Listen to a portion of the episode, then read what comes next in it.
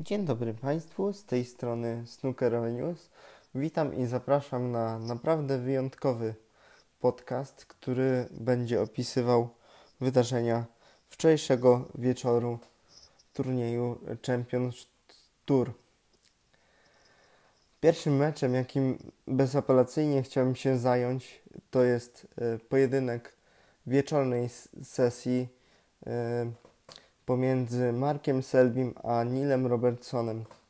To był naprawdę wspaniały pojedynek. Niektórzy eksperci mówią, że wręcz na miarę e, finału, że może się równać z finałem e, Mistrzostw Świata z roku 85, który również zakończył się na dramatycznej, czarnej. Podobnie było i wczoraj. Fani snookerowi mogli się czuć jakby weszli trochę do e, kapsuły czasu. E, ten mecz układał się wręcz niesamowicie, biorąc pod uwagę, jaką świetną formę prezentował Mark Selby w pierwszej sesji. Dała mu ona prowadzenie 6 do 2.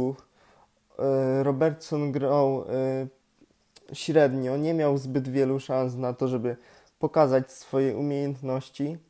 No i na tym właśnie Mark Selby zbudował swoją przewagę. Jednak Australijczyk powrócił e, wyraźnie silniejszy wieczorem. Wbił dwa e, duże breaki na początek 71 i 90 i to był początek jego drogi e, wygrania, do wygrania pięciu frame'ów z rzędu, zniwelowania przewagi przeciwnika do, do jednej partii, a potem no to już wszystko działo się jak w roller coasterze. Jeden i drugi wygrywali e, frame'y na przemian. E, partia 14 zakończyła się na e, partii na bili czarnej. Przepraszam, Robertson e, potrzebował trzech snookerów, ustawił je i wygrał tego frame'a po raz pierwszy y, Robertson prowadził 7-6 y, w, po przerwie regulaminowej, ale właśnie potem Mark Selby wygrał frame'a, który trwał ponad 40 minut, potrzebował trzech snookerów, jak mówiłem, ustawił go i to wszystko zmierzało do tego, że ten mecz musiał zakończyć się w decydującej partii. W 15 partii Robertson popisał się świetnym e, czyszczeniem w wysokości 135 punktów, co było miłą odskocznią od naprawdę mozolnych e, dwóch wcześniejszych frame'ów, w którym obaj za zawodnicy mieli do czynienia z zamkniętymi układami i tak naprawdę e, o wygraniu tych frame'ów decydowały umiejętności taktyczne obu zawodników. E, w decydującej partii emocje zaczęły wrzeć po prostu jak w, ty, w tyglu na miarę e, w Crucible Theater. Myślę, że gdyby ten mecz był na Mistrzostwach Świata w półfinale albo w finale w 35. partii w ostatniej, nikt by się nie obraził na, na taki scenariusz, jaki widzieliśmy wczoraj. Tutaj tak samo. Y, emo emocje były bardzo duże. Każdy z zawodników miał swoje szanse. Pierwszy zaczął punktować Neil Robertson, gdy miał 48 punktów na prowadzeniu, a Mark Selby zaledwie 12. Wszystko wydawało się rozstrzygnięte, nic bardziej mylnego. Australijczyk zagrał złą pozycję na kolorową i musiał rozstać się ze stołem. E, czerwone, e, reszta czerwonych była e, rozstawiana na, na bandach, więc nie było sensu kontynuowania breaka.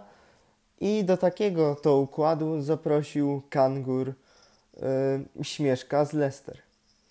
Śmieszek z Leicester co zrobił? Na kolorach zaczęli się bawić obaj panowie, aż wszystko Y, zaczęło przybierać kształt dokładnie tak jak w 1985 roku, gdzie Steve Davis grał z Denisem Taylorem i oni rozstrzygnęli także mecz na decydującej czarnej. W pewnym momencie nawet Neil Robertson zażartował, że gramy dokładnie tak jak Dennis Taylor i, i, Mark, i Steve Davis. Z tą różnicą, że Dennis Taylor zagrał czarną dokładniej do, do bandy. Także to był taki żart ze strony Nila Robertsona skierowany w kierunku właśnie Marka Selbiego. Mark Selby w tej ostatniej partii, muszę przyznać, miał trochę pecha, ponieważ atakował trzy duble, bardzo takie bilardowe zagrania od, od bandy. Tym fanom, którzy, którzy oglądają snookera od lat, nie muszę tego tłumaczyć, że Mark Selby był mistrzem świata, także w ósemkę, więc zagrania na dubla miał obcykane wręcz do perfekcji, można kolokwialnie powiedzieć. Tym razem yy, jednak zawiódł się na, na, tego typu zagraniach. W każdym zagraniu coś brakowało, a to na lewy słupek kierował yy, czarną, a to na prawy.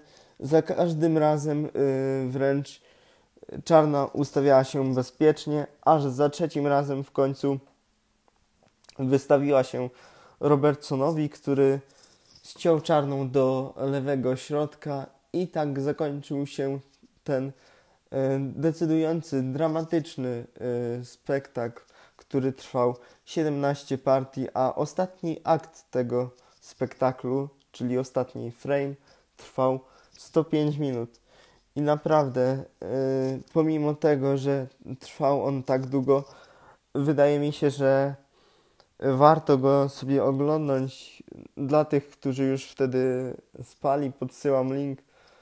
Już jest na moim fanpage'u opublikowany, bo jest to naprawdę niebywała dawka emocji i, i dramaturgii. Szczególnie te duble Selbiego budziły niesamowite emocje, które on po prostu o milimetry pudłował. Był o milimetry od wygrania y, tego, tego meczu a biorąc pod uwagę to, że Anglik prowadził 6-2 po, po y, pierwszej sesji, wydawało się, że jest zawodnikiem lepszym.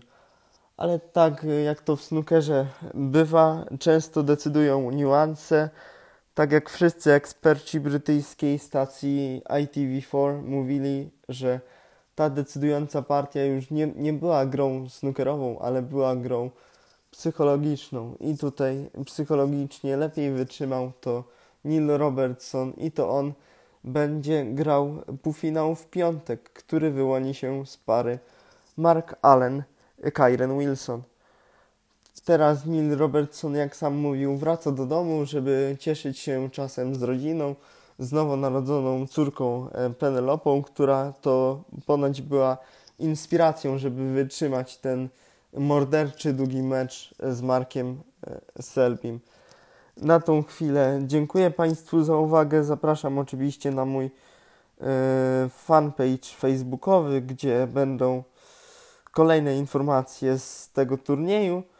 A jeszcze e, miałem podać wyniki wcześniejszych meczów, które pierwszych sesji, które się rozegrały także wczorajszego dnia wczoraj swoje mecze rozgrywali Jet Trump i e, Mark Williams. Ten mecz zakończył się pierwsza sesja remisem 4 do 4, a także mm, e, Jet Trump, który e, przepraszam, nie Jet Trump, tylko oczywiście Ronnie O'Sullivan, który podejmował e, Bingama, prowadzi z nim e, po pierwszej sesji 6 do 3 i ten mecz będzie wznawiany dzisiaj o godzinie 20. Wszystkich chętnych i pasjonatów snookera zapraszam na, e, na te transmisje. Linki do screenów będę oczywiście podsyłał na swoim fanpage'u, a tym razem a tymczasem pozdrawiam snookerowe news.